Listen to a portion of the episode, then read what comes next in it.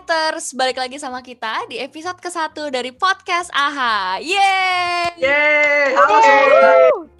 Nah, terima kasih teman-teman yang udah setia ikutin dari episode kita yang ke-0 sampai akhirnya episode ke-1 ini bisa terrealisasikan. Terima kasih untuk kalian yang dukung lewat nonton di Spotify dan juga di IGTV kita. Nah, hari ini adalah hari yang sangat spesial karena di podcast kita hari ini kita kedatangan tamu-tamu kehormatan yang pastinya spesial banget. Mana suaranya? Halo, malam semua. Wih, Hai, hai. nih. Rame-rame. Hari ini tamunya tuh ada tiga dan semuanya tuh spesial karena mereka adalah kakak-kakak kelas kita dari kelas 12. Angkatan berapa, teman-teman? Angkatan 11. Jelas. Wih, angkatan 11. Oke, oke, oke. Langsung aja nih kita kenalan sama em, narasumber kita hari ini. Ada siapa aja? Boleh kakak-kakak dikenalkan dirinya? Oke, jadi halo semua, nama aku Anton. Dan kita di sini ada siapa lagi nih? ada gua, Daril. Terus ada yang terakhir. Ada gue, Cindy. Halo. Wih. Hai Cindy. Yeay, hai Cindy, hai Daryl, hai Anton. Hai kakak-kakak. Hai. Hari ini Hai. kita bakal sama-sama eh, denger cerita-cerita mereka tentang nostalgia di masa SMA ini. Karena mereka kan bentar lagi udah lulus nih ya, dan mereka kebagian dua kali. Eh, maksudnya ngerasain dua kali sekolah offline maupun sekolah yang online. Dan kita bakal dengerin pendapat mereka, terus cerita-cerita mereka waktu itu. Oke, langsung masuk aja ke pertanyaan pertama. Oke kak, kan banyak nih adik kelas adik kelas yang belum tahu gimana sih SMA itu kak. Coba bisa dijelasin dong menurut kakak SMA gimana? Oke, ini pertanyaan yang menarik nih ya teman-teman karena menurut aku di masa pandemi sekarang itu teman-teman yang masih kelas 10 itu masih bertanya-tanya kayak, "Kak, kakak yang udah kelas 12 tuh rasanya SMA tuh apa sih? Apakah cuma belajar doang atau kayak untuk sekedar menjalankan sekolah?" Tapi enggak, teman-teman. Jadi menurut aku SMA itu tuh lebih dari sekedar belajar. SMA itu tuh tempat di mana kita tuh menemukan teman, menemukan solidaritas dan menemukan cerita-cerita yang banyak. Dan menurut aku tuh di SMA juga tuh apa ya? eh, nggak cuma sekedar belajar akademik karena untuk pribadi aku sendiri di SMA itu aku bisa mengembangkan bakat aku contohnya seperti bakat olahraga bakat seni ataupun bakat yang lainnya dan aku bisa mengikuti kegiatan organisasi contohnya OSIS. Dan menurut aku tuh SMA itu apa ya? Ya masa-masa ka- kalau kata orang itu kan masa-masa paling indah dan emang bener sih aku yang belum lulus aja tuh kayak oh iya bener juga ya SMA tuh masa-masa paling indah. Masa-masa di mana kita mulai nakal tapi mulai inget juga kalau kita mau kuliah. Itu sih kalau menurut aku menurut SMA dalam pandangan aku. Kita sebenarnya ini banget ya, sayang banget ya kita dapat offline apa dapat sempat dapat online ya.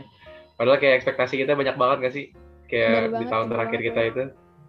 betul banget sih apalagi kan kita kelas 12 kan ya bentar lagi mau kuliah dan biasanya itu yang kelas 12 tuh kayak sama-sama ngerasain gitu kayak oh kita mau belajar bareng-bareng kita mau susah-susah bareng-bareng tapi akhirnya nggak bisa dan akhirnya kayak ya ya udahlah apa pun apa pun semua itu dilakukan secara online yang tadinya kita bisa ngasilin kenangan dari belajar belajar belajar offline belajar ketemu belajar ke rumah temen ya gitu deh gimana der Ini bukan ngasih harapan palsu tapi mungkin adik-adik yang nanti akan baru masuk bisa lah ya mendapatkan sekolah tanpa corona ya. Amin lah, kita berdoa aja cepat kelar. Amin. Amin.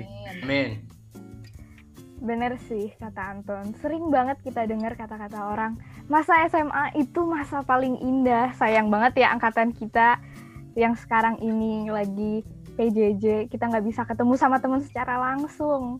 Aduh, gimana ya? Untuk aku sih udah pernah ngerasain SMA offline. Tapi gimana sih menurut kakak-kakak yang udah kelas 12? Gimana sih perbedaannya apa sih offline ke online? Apa tuh yang paling signifikan perubahannya kira-kira? Oke nih, coba aku yang jawab ya. Akan kan Kak Cindy ya. Oke.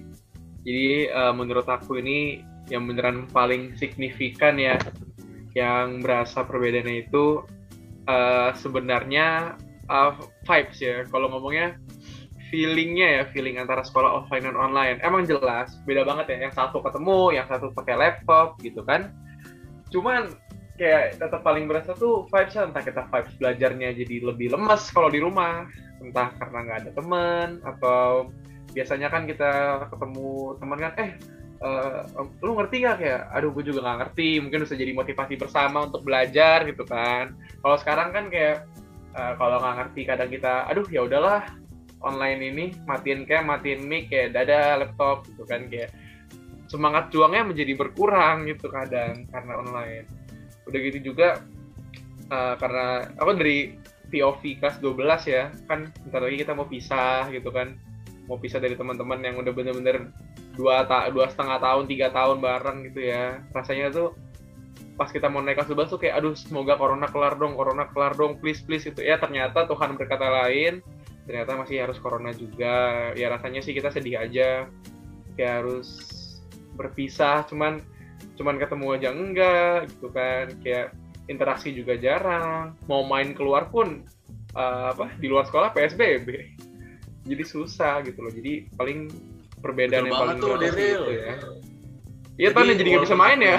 mana ya walaupun aku yang gak ke mana-mana juga aku bisa kena covid kan waktu itu kan jadi ya mau gimana juga ini kan namanya juga pandemi gitu lah ya guys nggak bisa dihindarin juga emang udah rencana Tuhan dan mungkin menurut aku ya kita ikutin protokol aja sih Iya, sebisanya lah mungkin keluar rumah kalau tidak terpaksa ya jangan. Anton aja yang udah taat banget peraturan masih bisa kena gitu, apalagi kalian yang bandel ya. Betul banget. Apalagi yang kelas 10 juga kasihan ya, mereka nggak bisa MPLS, nggak bisa ketemu teman-teman barunya gitu, nggak bisa kenalan. Jadi tuh rasa persaudaraannya mungkin nggak sekenceng kakak-kakak kelasnya ya. Iya betul. Kasihan kalau yang dari ini Betul banget. mungkin dari dari apa luar penabur SMP-nya jadi lebih susah ya bondingnya ya.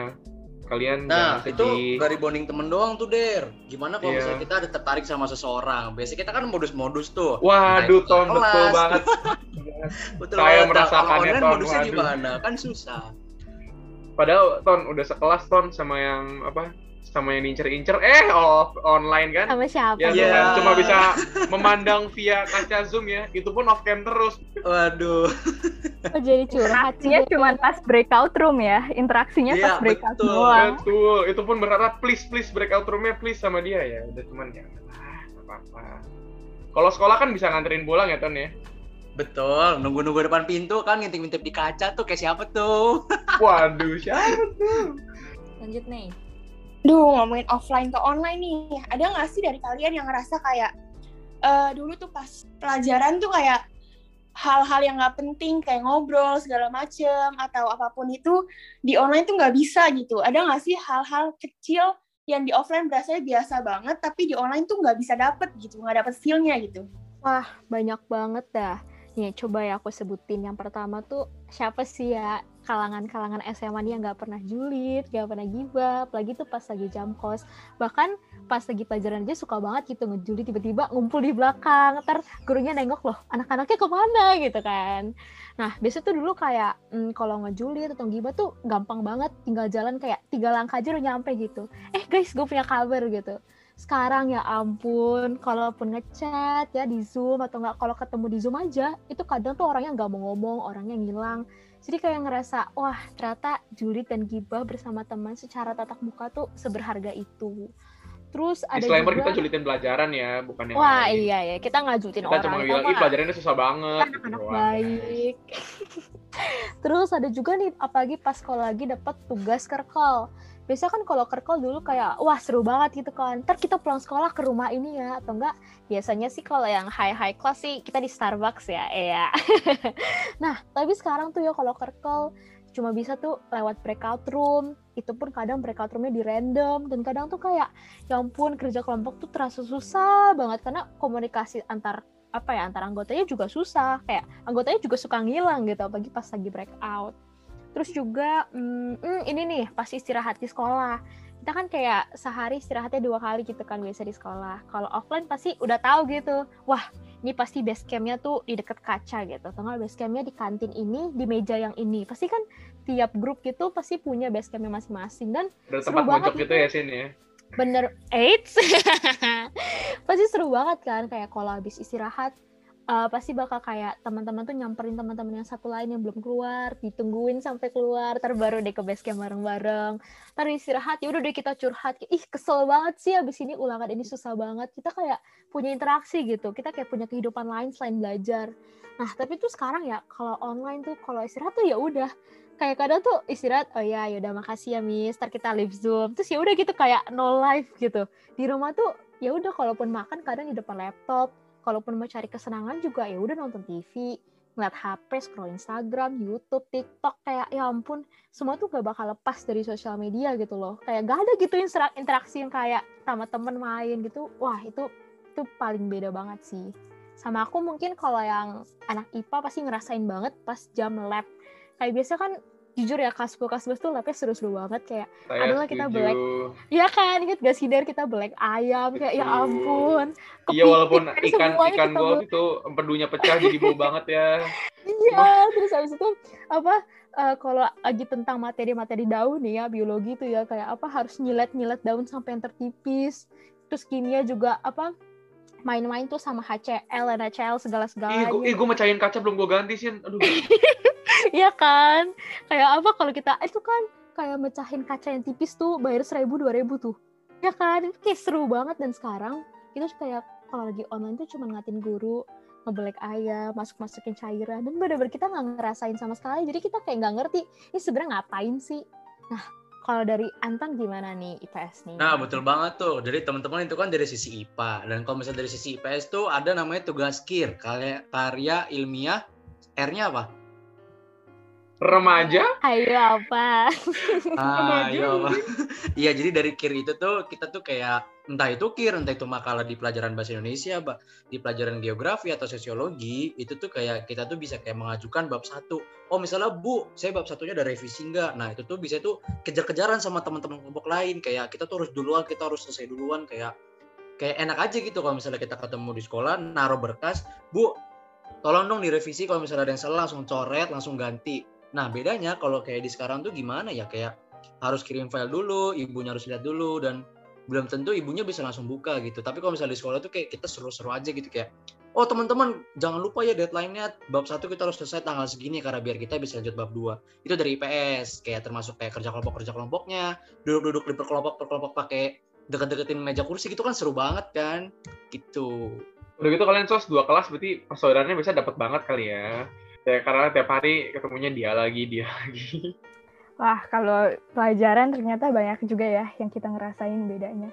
Gimana kalau misalnya di luar pelajaran gitu dari sisi pertemanan kita gitu. Misalnya kayak dulu kan pulang sekolah nongkrong gitu. Awalnya kita ngelihat nongkrong tuh kayak biasa banget nggak sih? Cuman kalau ngebandingin sama situasi sekarang ya ampun nggak bisa keluar karena kalau keluar kan kurang begitu baik ya karena kita harus mengurangi mobilitas. Gimana tuh kakak-kakak?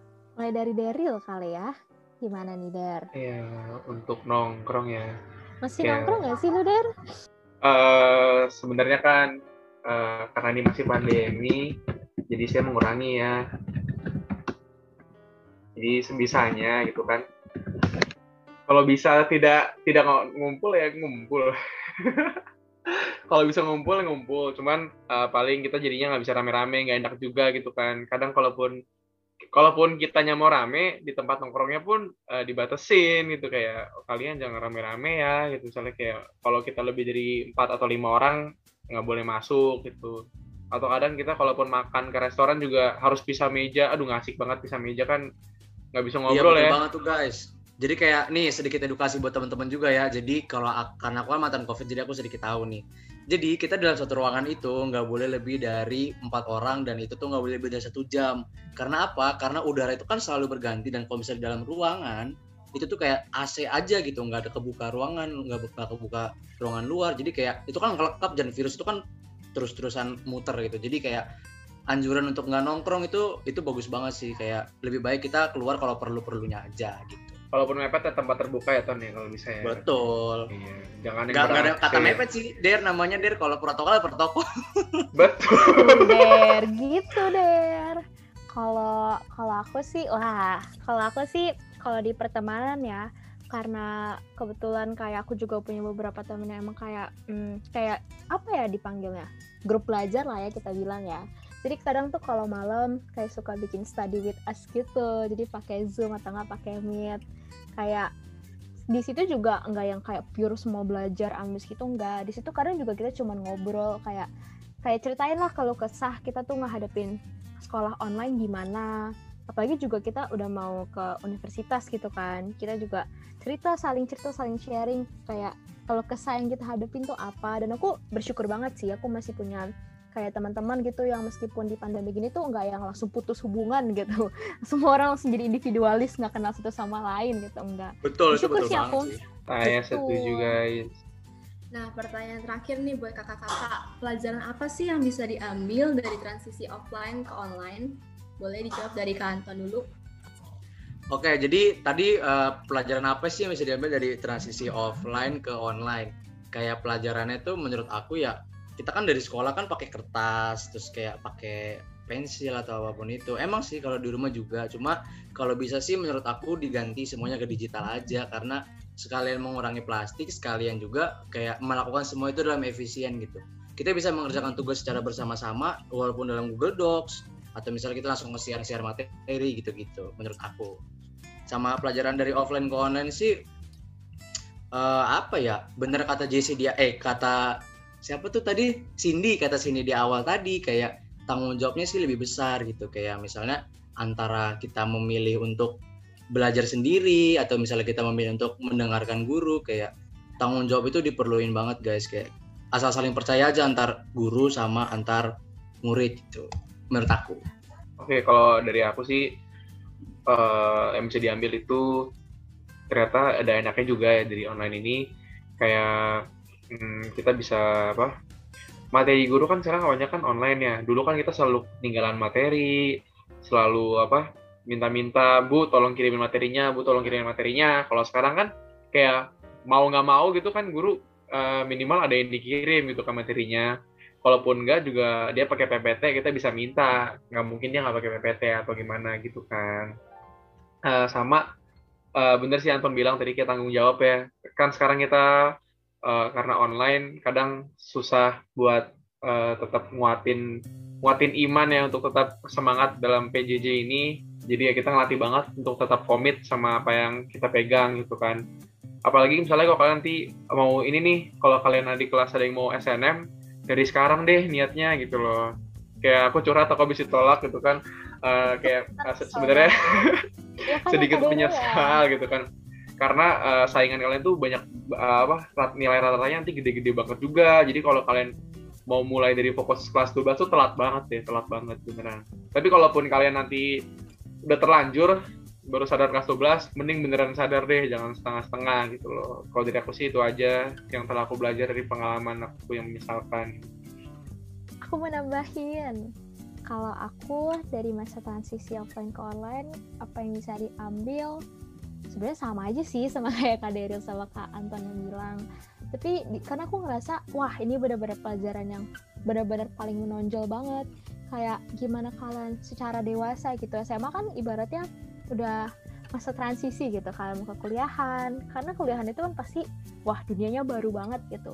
Di SMA tuh kayak kalian bakal diperhadapin banget sama banyak pilihan dan kalian harus pintar-pintar pilih sih. Karena di sisi lain juga kayak kalau kita salah ambil pilihan itu nyeselnya tuh nggak wah nggak bisa banget deh. Nggak bisa buat dijelasin nyeselnya kayak gimana.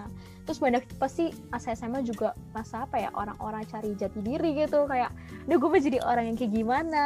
Itu pasti pasti ada banget di titik kayak gitu. Dan biasanya sih cenderung buat kayak apa ya ngikutin semua orang. Kayak pasti ada satu orang yang kalian jadi role mood moodnya kalian gitu. Sama apalagi ya udah sih itu aja sih kalau menurut aku. Kalau Kalau aku boleh nambahin? Boleh Jess. aku pengen nambahin. Mungkin kan itu dari segi pelajaran gitu. Kalau aku sih pelajaran yang aku ambil banget dari offline ke online ini selagi kita ada kesempatan di offline untuk make friends untuk nyari teman memperluas pertemanan kita sama orang-orang sebisa mungkin dilakuin sebaik mungkin cari teman sebanyak mungkin karena begitu lo online susah banget nyari teman satu susah banget kenalan sama orang baru kecuali kalau lewat sosial media. Cuman kalau sama teman-teman satu sekolah itu jujur susah banget. Selain itu juga enggak semua teman yang kita dulu temenan pas offline bakal temenan lagi sama kita selama online ini karena kan pasti kalau online semua punya kesibukan sendiri kan. Jadi lama-lama ngejauh atau cuman stay sama satu circle aja gitu. Cuman kalau offline-nya kita punya temen tuh luas banget kemungkinan besar begitu kita online ya setidaknya masih cukup banyak lah teman-teman kita pas online-nya. Gitu kalau aja offline sih. kita gampang nyambungnya ya Jess ya ke temennya Betul. Misalnya kita dari dari meja satu meja satu ada yang ada grup yang ngumpul kita satu dua kata loncat ke meja sebelahnya ada beda grup lagi bisa ngomong lagi seru ya bahkan Kayak sama kakak loncat kelas ya. bahkan sama kakak kelas adik kelas juga masih bisa kan yang nyambung kalau lagi ah, offline iya bener jadi Bener keputus banget, sekarang. bener banget. Eh, Kayak misalnya kalau sa- habis rapat OSIS kita nanti sama anak-anak OSIS yang lain beda angkatan tapi kita jalan bareng, kita kenalan, berteman gitu guys. Banyak banget. Betul banget guys. Dan Betul, itu betul, tuh ya betul. emang jalan aja gitu. Entah itu nganggep date atau enggak gitu ya. Ya bener nggak Jess? Kenapa jadi Gimana, Jess? gimana Jess? Gimana Betul tuh Jess? dijawab Anton? Boleh yang jawab? Aduh, Ya pokoknya gitu deh guys. Menurut aku ya emang lebih seru offline dibanding online. Cuma ya mau gimana juga. Namanya juga kita manusia harus bisa siap menghadapi eh mengadaptasi situasi. Bener Betul, banget. setuju banget. Kayak walaupun kita sekarang mungkin tidak seindah seindah kata orang-orang ya, kayak SMA masa terindah, mungkin kita bisa menemukan kebahagiaan lain ya. Karena mungkin karena pandemi ini banyak orang yang nemuin hobi-hobi baru nggak sih? Kayak ada tiba-tiba yang jadi nulis novel atau mungkin tiba-tiba ada yang jadi youtuber atau ada tiba-tiba yang bikin podcast padahal sebelumnya kalau kita pikir-pikir podcast tuh belum ngetren nggak sih sebelum pandemi ini Iya bener banget. Bahkan gue aja kalau gak ikut ini gue gue kayak nggak tak nggak gitu tahu tentang podcast gitu. ini kita ambil positifnya aja ya ya jangan menyerah dengan keadaan lah kalau diniatin pasti ada jalan wah gila Oke, wah seru banget ya ngobrol-ngobrol sama kakak-kakak kita ini dan kita dapat banyak banget pelajaran-pelajaran nggak cuman soal nostalgia masa SMA mereka yang offline tapi juga kita dikasih itu tadi eh, saran-saran supaya ke depannya kita bisa lebih baik lagi. Nah, teman-teman flighters, kita ada pengumuman loh dari bidang 5. Yuk kita simak. Halo guys, gue CB Gua JJ, dan kita dari bidang. 5. Woo! Sekarang kita mau ngapain sih Kak JJ ke sini? Jadi kita tuh di sini buat ngumumin pemenang-pemenang dari layangan Nusantara. Wow, tapi kayaknya ya nggak semua flyers tahu nih layangan Nusantara tuh sebenarnya apa sih? Jadi buat yang belum tahu ya, layangan Nusantara tuh lomba yang diadakan oleh bidang 5 yang bertujuan untuk mengenalkan suku-suku di Indonesia yang jarang dikenal orang. Wah, keren banget tuh kayaknya.